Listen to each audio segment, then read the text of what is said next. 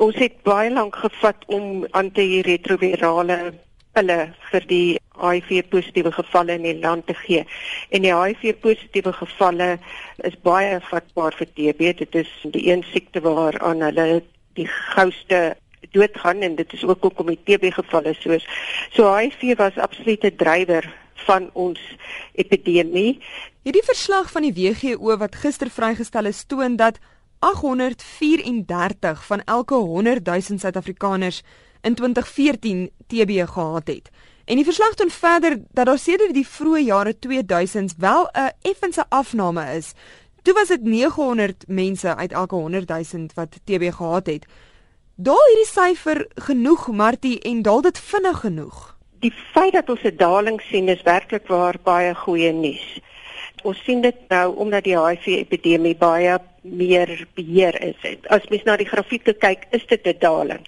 Ehm um, wat aanhou so of die daling nou meer of minder is, dit maak seker op hierdie stadium nie soveel saak nie, maar die feit is daar is 'n daling en ons hoop in die toekoms gaan die daling baie vinniger wees as wat dit op hierdie stadium lyk. Hoe suksesvol is Suid-Afrika met die diagnose en die behandeling van tuberkulose? Die WHO het uh, eh, 85% waarde gekoppel aan lande wat TB goed beheer om 85% van die TB gevalle gesond te maak met die eerste behandeling. Suid-Afrika is heidaglik op 78%. So ons is nog nie in die 80s nie, maar ons het oor die jare baie opgegaan en opgegaan.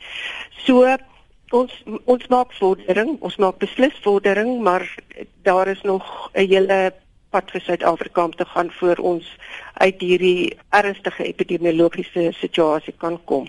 En wat sal jy sê is die uitdagings, die struikelblokke wat ons verhoed om die stryd teen TB volkome te wen? Kennis van die simptome en dan in die gesondheidsorg, dan moet almal ondersoek word vir TB en dan die derde geval is wanneer mens op TB behandeling is, moet die mens dit klaarmaak. Martie, hoeveel waarde heg jy aan die WHO se jaarlikse TB verslag?